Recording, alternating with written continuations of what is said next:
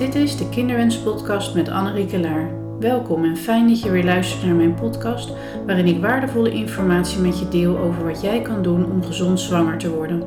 Deze podcast is speciaal voor jou als jij wil weten wat je kan doen om je vruchtbaarheid te vergroten, zodat je gezond zwanger wordt en de regie over je kinderwens kan behouden.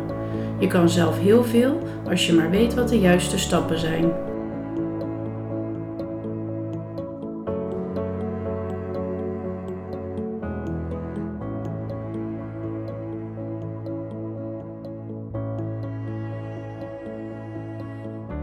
In deze podcast gaan we het hebben over de temperatuurcurve, wat natuurlijk niet, uh, niet besproken kan worden als we het over de gezonde menstruatiecyclus hebben en om natuurlijk zwanger te worden.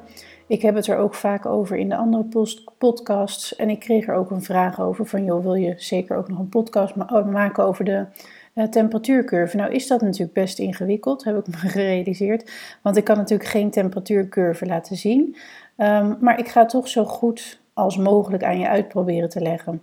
Hoe de temperatuurcurve eruit hoort te zien en wat een eventueel afwijkende curve je laat zien en waar je dan aan zou kunnen werken. Nou, eigenlijk werd die temperatuurcurve ontwikkeld uh, voor anticonceptie. Maar later werd natuurlijk gerealiseerd dat dat ook heel goed ingezet kan worden als je juist wel zwanger wil worden. En het gaat over je temperatuur in rust. En nog heel even een korte herhaling over de gezonde menstruatiecyclus. Dat bespreek ik zeker ook in alle andere podcasts al. Hè. in het ideale geval duurt die zo'n 28 dagen. Met, dat kan natuurlijk wisselen tussen de 26 en de 32 ongeveer. Met 3 tot 5 dagen bloedverlies. Uh, normale hoeveelheid bloedverlies. Hè, dat mooi rood is. Niet te roze, bruin of donker. Uh, weinig of geen stolsels. Uh, een paar kleine stolsels kan best normaal zijn. Uh, de consistentie van het bloed, hè, vloeibaar, maar niet te waterig of te slijmerig. Uh, milde of geen krampen, milde of geen lage rugpijn, milde of geen premenstruele klachten, dus opgeblazenheid, hoofdpijn, behoefte aan bepaalde voedingsmiddelen. Die enorme gravings, dat hoort er eigenlijk allemaal niet bij. Nou, eventueel kan je wat milde symptomen hebben, maar um, zodra het meer aandacht van je vraagt of je kunt er minder goed mee functioneren, dan is dat zeker een teken van onbalans om mee aan de slag te gaan. Um, de ovulatie hoort ongeveer op de helft van je cyclus plaats te vinden, ergens tussen dag 12 en 16. Met een temperatuur, of als je een cyclus hebt van 28 dagen, dan zou die mooi op dag 14 zou het meest ideaal zijn, halverwege. Uh, wel goed om te weten dat die ovulatie zeker kan wisselen ook. Hè. De ene keer wat eerder en wat later. Uh, de ovulatie zonder al te veel symptomen, hè, zoals opgeblazenheid of gevoelige borsten en vermoeidheid. Um, je zou een milde kramp of een drukkend gevoel onderin je buik kunnen voelen, maar meer ook niet. Um, nou, je hoort eigenlijk natuurlijk dat vruchtbare slijm te zien, uh, twee tot vier dagen voor je ovulatie. Hè. Dat is dat dunne, transparante slijm uh, waar je draden van kan trekken. En vaak is er een verhoogd libido's, dus heb je meer zin om te vrijen voor je ovulatie. Um, en als je een ovulatietest gebruikt, dan wil je een positieve uitslag zien gedurende twee dagen ongeveer. Uh, en ook maar één keer in je cyclus. Want dat zie je soms wel, dat hè, als, als, het, als je het op het ene moment ziet en later nog weer. Uh, bijvoorbeeld een, positief positieve test tijdens uh, dag 12 of 13. En dan een, paar weer dagen weer negatief. En dan weer een positieve eh, test rond dag 18 of 19. Dan is dat eigenlijk niet ideaal. Dan geeft dat aan dat je lichaam het wel probeert, maar dat die ovulatie nog niet gelukt is. En een temperatuurcurve kan heel goed helpen om die ovulatie wel helderder te hebben. En is dus ook op zich mooi om dat te combineren met die ovulatietest. Dan heb je een extra bevestiging. En zeker als je dat dan ook nog combineert met het vruchtbare slijm. Nou, dan weet je wel veel beter wanneer je ovulatie heeft plaatsgevonden. Nou, met die temperatuurcurve dan krijg je inzicht in je, in je cyclus. Het helpt je inzicht krijgen bij uh, wanneer je het meest vruchtbaar bent, uh, wanneer je ovuleert. Want inderdaad, alleen met die ovulatietesten uh, is dat niet heel betrouwbaar. wanneer je je menstruatie kan verwachten. Elke curve geeft je inzicht in de volgende curve en wat je kan doen. Je kunt daarmee ook natuurlijk supergoed je, je voortgang bijhouden. En door inzicht te hebben in je cyclus kan je ook natuurlijk het vrije beter timen als je graag uh, moeder wil worden. Nou, hoe meet je? Dat doe je eigenlijk gewoon met een digitale thermometer, niets bijzonders. En het is wel belangrijk dat je het steeds met dezelfde thermometer doet. de tijd die, die moet steeds ook hetzelfde zijn. Hè? Bijvoorbeeld liefst zo rond 7 uur in de ochtend en elke dag ook dezelfde tijd. Dus als het een half uur eerder of later is, dan is dat op zich geen probleem. Uh, maar je, je temperatuurt meteen na het ontwaken voordat je uit bed gaat. Dus niet eerst opstaan om te gaan plassen. Nee, eerst meten en dan pas je dag beginnen. Mocht je het nou een keer vergeten zijn en je bent wel uh, al naar de wc gegaan, dan hoef je je temperatuur eigenlijk niet meer te meten. Want die is al veranderd. Het gaat echt over je temperatuur in rust als je nog ligt. Um, en niet als je al bent gaan bewegen om bijvoorbeeld naar de wc te gaan, dan is je temperatuur al anders. En het is ook belangrijk dat je ongeveer minimaal drie uur daarvoor eh, aan één stuk geslapen hebt voor betrouwbare temperatuur. als je bijvoorbeeld om twee uur s'nachts wakker geworden bent om te plassen, maar je meet normaal om, om zeven uur of zes uur, dan is dat eigenlijk geen probleem. Maar stel je wordt om vijf uur wakker en je zou om zes uur altijd meten, dan kan je beter die temperatuur eerst dan om vijf uur meten en dan uit je bed gaan. Omdat het geen zin heeft om dan nog weer dat uurtje te slapen en dan om zes uur, dan is die temperatuur niet betrouwbaar genoeg. Nou, je doet het het liefst uh, ofwel onder je tong, of rectaal of vaginaal. Um, in ieder geval kies je wel steeds dezelfde plek. Dus als je gekozen hebt voor onder je tong, dan blijf je het ook daar doen. Uh, doe het niet in je oor of onder je oksel of bij je voorhoofd, want dat zijn geen betrouwbare temperaturen. En um, nou, als je ook in die curve nog de andere symptomen en dingen bijhoudt die je zo ervaart, en zeker ook uh, het vruchtbare slijm noteert, dan krijg je een heel goed zicht op hoe je hormonen zich gedragen en wat er wel of niet in balans is.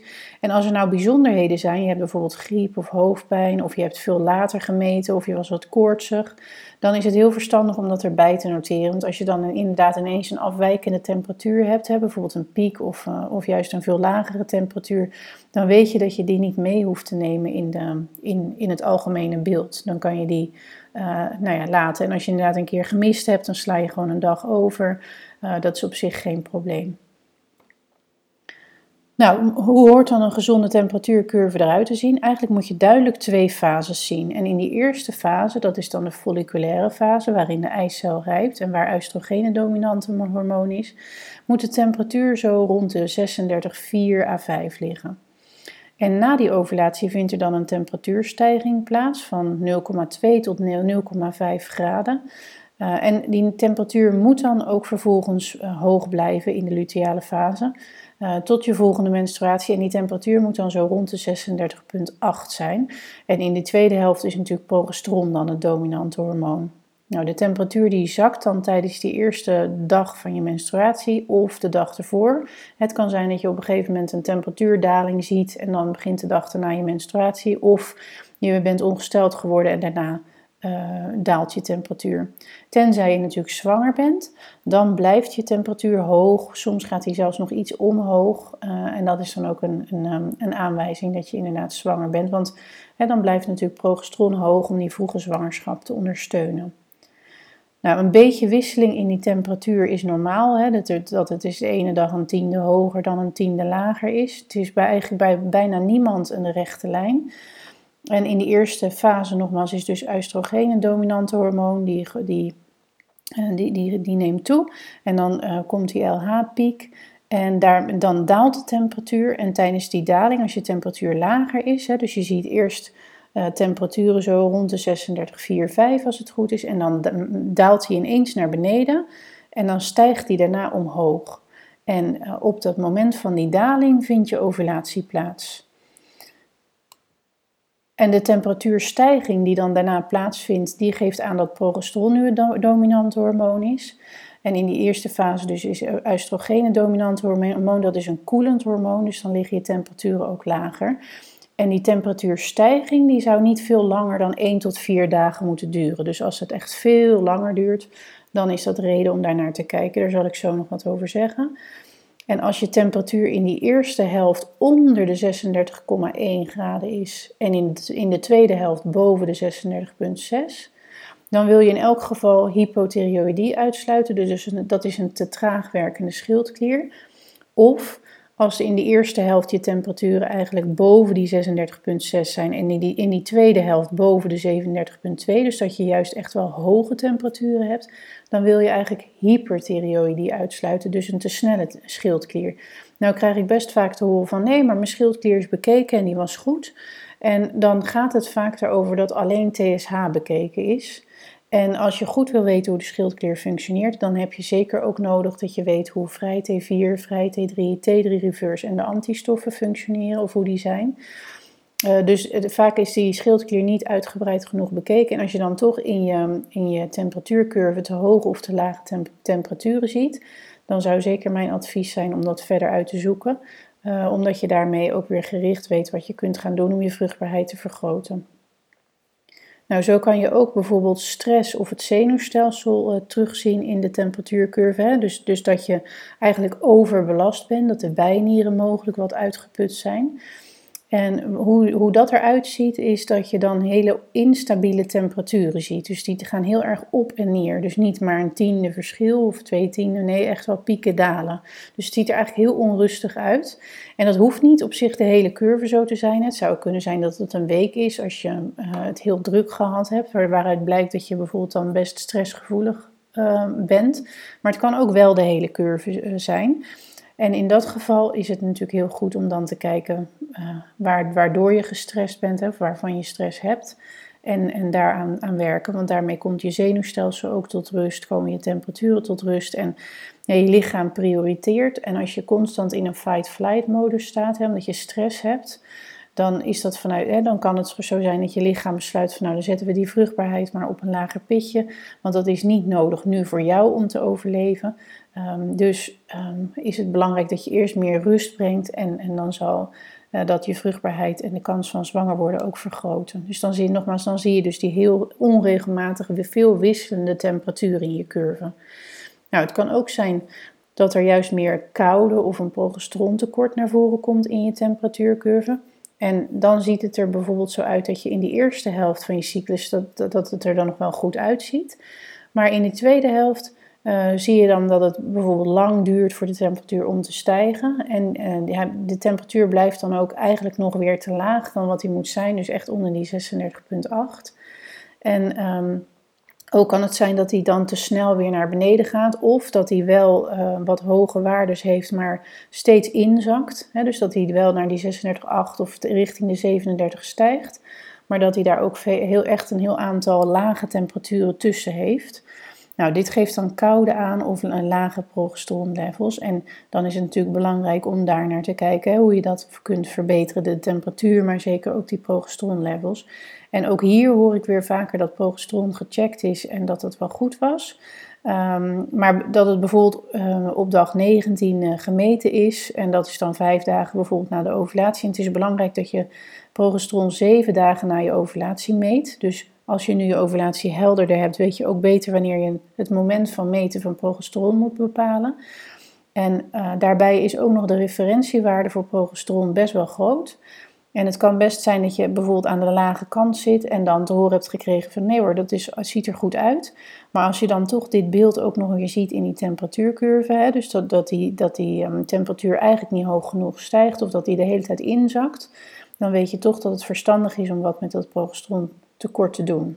Eventueel kun je daar zeker ook nog dan een, um, een speekseltest aan ten grondslag leggen. Want in bloed bij de gynaecoloog meet je de, aan eiwit gebonden progesteron en in speeksel meet je het vrije uh, progesteron. En ik zie ook wel vaker dat als je dan in bloed bij de gynaecoloog uh, laag normaal is, dan is je speeksel echt te laag. En dan eh, nou, geeft dat heel veel houvast of handvatten natuurlijk om daar iets mee te gaan doen. Nou, het kan natuurlijk ook zijn dat je juist eerder een stress- of hittebeeld hebt in je temperatuurcurve. Hè. Dan, dan zijn, heb je uh, ook hele onregelmatige temperaturen. Dus je gaat op en neer en op en neer. En vaak ook dan te hoog in zijn totaliteit. Dus echt wel heet. Um, nou, hier wil je dan vooral natuurlijk koelen, maar ook zeker stress reguleren. En nogmaals, stress kan echt een belemmerende factor zijn om zwanger, zwanger te worden, omdat je lichaam denkt: hey, het is nu niet veilig. Uh, dus nu ook geen goede situatie om zwanger te worden en een kindje groot te brengen. Um, dat is echt vanuit ons oerbrein natuurlijk hoe we reageren op stress. Nou, je kunt ook nog ehm, eh, een slechte bloedcirculatie of uh, dit, dit, dit, dit, dit, uh, deze temperatuurcurve kan ook een beeld zijn voor koude of laag progesteron weer. Maar die slechte bloedcirculatie, dat kun je zien uit dat het dan heel lang duurt voordat die temperatuur eindelijk gaat stijgen naar boven die 36,6, 36,8 graden. En dan ook weer snel daalt. En dat kan dan een signaal zijn dat die circulatie niet optimaal is in dat bekkengebied. En dat, dat zou bijvoorbeeld kunnen komen door kiestes of polypen. Of, nou ja, dat zie je dan terug in die temperatuurcurve, dat het daar dus niet goed en vrij circuleert. En, en, en dat die temperatuur daarin dan ook uh, stagneert. Dus eigenlijk een beetje een gestagneerd beeld zie je dan. Hè? Dus dan doet hij niet een, een, een daling bij de ovulatie en dan hop omhoog. Nee, dan duurt het echt dagen voordat die temperatuur een beetje op een pijl is waar, waar het zou moeten zijn. En dan zakt het soms ook alweer te snel in. Nou, dat is dus een signaal voor slechte bloedcirculatie of koude laag progesteron. Uh, uh, geeft ook weer veel handvatten om dan iets mee te doen. Um, even kijken hoor. Nou, dan hebben we ook nog pre prematuur ovarieel falen. Uh, oftewel, hè, wat dan gezegd wordt, een, een, een weinig ijscelvoorraad. hoog FSH, laag AMH hoort daar ook wel bij. Eerlijk gezegd hou ik niet zo heel erg van de, deze diagnose. Maar wat je dan ziet in de curve, um, is dat de ovulatie eigenlijk te vroeg komt. Dus in principe ziet het er dan in het begin goed uit. Maar dan is de ovulatie er bijvoorbeeld al bij dag 9.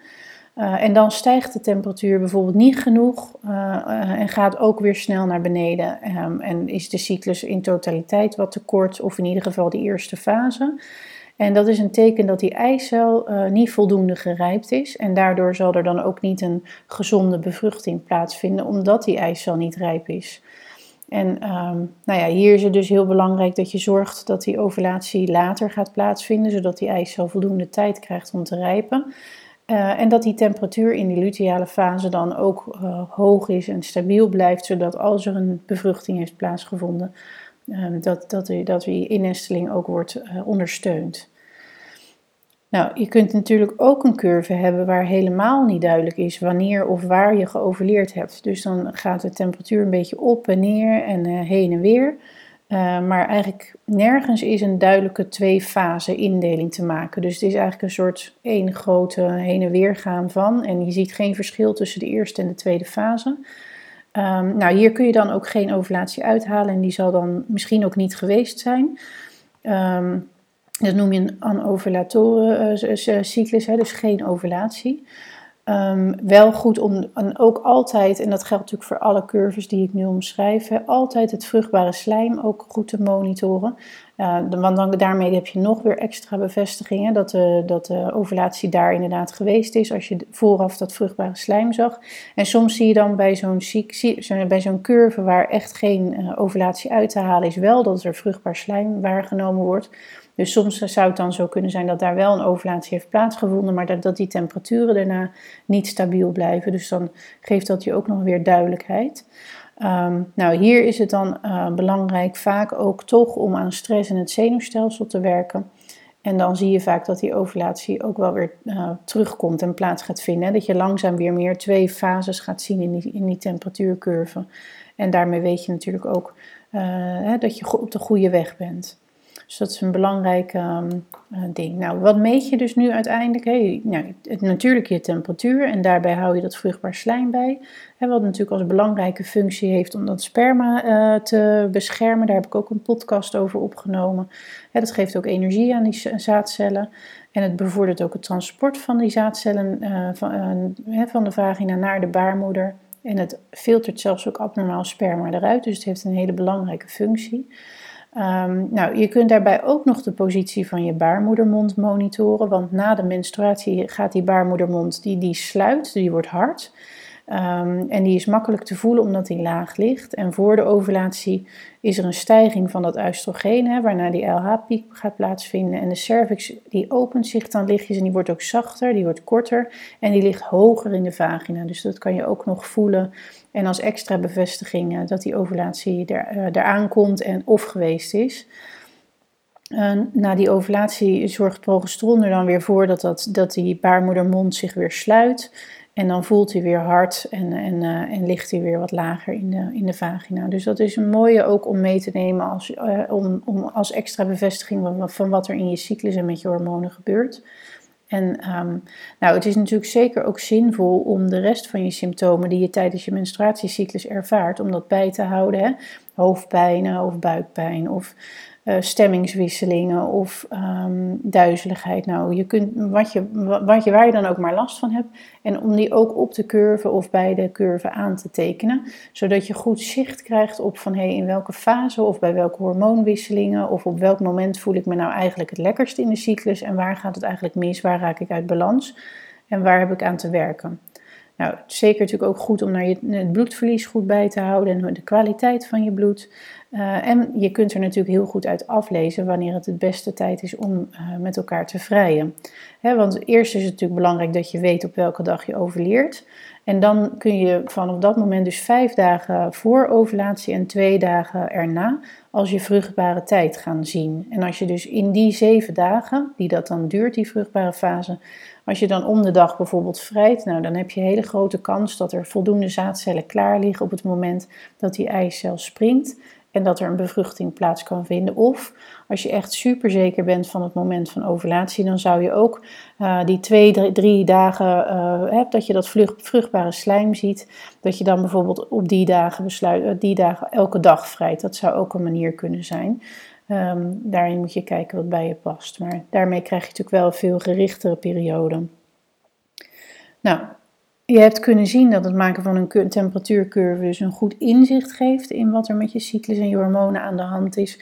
En of je eerder meer aan stress moet werken, of je zenuwstelsel, hè, dat je overbelast bent, die bijnieren. Of dat je eerder te kijken hebt naar je schildklier, of dat er koude is, of een progesterontekort. Um, ja, je weet veel beter door een temperatuurcurve wanneer nou die ovulatie is, of dat ook vooraf gegaan wordt door dat vruchtbare slijm. Dus het geeft je heel veel houvast en zekerheid waaraan jij kan werken om je cyclus in balans te brengen. En het is echt zo dat op het moment dat je temperatuurcurve er goed uitziet en je niet te veel last hebt van je menstruatiecyclus, dat een natuurlijke zwangerschap dichterbij komt, maar dat een traject natuurlijk ook meer kans van slagen heeft, omdat je hormonen in balans zijn, je, je lijf is er gewoon meer klaar voor om zwanger te worden, in plaats van dat die temperatuurcurve echt een rommeltje is en je gaat proberen die uh, zwangerschap te forceren. Dus dat is altijd goed om mee te nemen in de stappen of de keuzes die je maakt ten aanzien van het in vervulling gaan van je kinderwens. Nou, er zijn natuurlijk zeker veel apps die je kunt gebruiken om je menstruatie in bij te houden. Um, of je temperatuurcurve in dit geval. Um, want nogmaals, alleen maar je menstruatie noteren in een app, dat heeft niet zoveel zin. Dan gaat je app voor jou berekenen wanneer je ovulatie plaatsgevonden zou kunnen hebben. Nou, dat is gewoon niet betrouwbaar. Je, je kunt daarin niet vertrouwen op een app. Je moet echt dat zelf goed onderzoeken door ofwel je de stand van je baarmoedermond of het vruchtbare slijm. En het liefst natuurlijk die drie gecombineerd hè, met die temperatuurcurve. Dan weet je het echt nog zoveel zekerder. En ik hoor ook wel vrouwen die zeggen, nou, zo'n temperatuurcurve is echt niks voor mij, daar ga ik niet aan beginnen, want dat kost me, dan ben ik er zo mee bezig.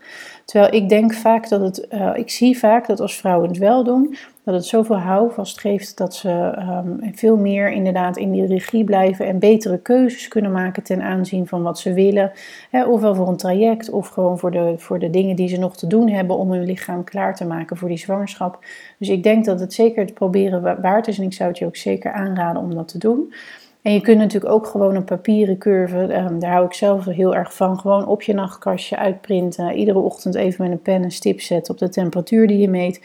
En dan zie je na een maand een mooie curve verschijnen. En hou er dan ook inderdaad de symptomen bij die je hebt, um, de afwijkende momenten in de cyclus. Als je bijvoorbeeld laat naar bed bent gegaan of hoofdpijn had, wat ook. Um, en als je vragen hebt over jouw curve, laat het dan weten. dan kijk ik met je mee. Heel veel succes!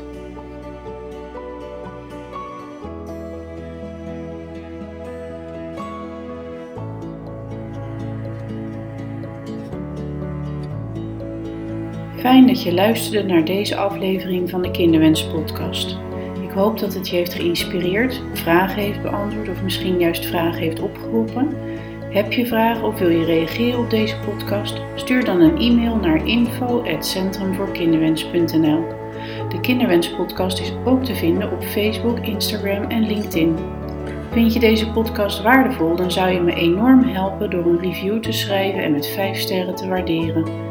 En wil je de podcast overzichtelijk onder elkaar? Abonneer je dan. Jij bent dan ook de eerste die hoort als er een nieuwe podcast beschikbaar is. Deze podcast wordt mogelijk gemaakt door Centrum voor Kinderwens. Wil jij graag je vruchtbaarheid vergroten? Dan is er het programma Vergroot je vruchtbaarheid in 3 maanden. Meer informatie vind je op www.centrumvoorkinderwens.nl. Mijn naam is Annerieke Laar. Bedankt voor het luisteren en tot de volgende keer.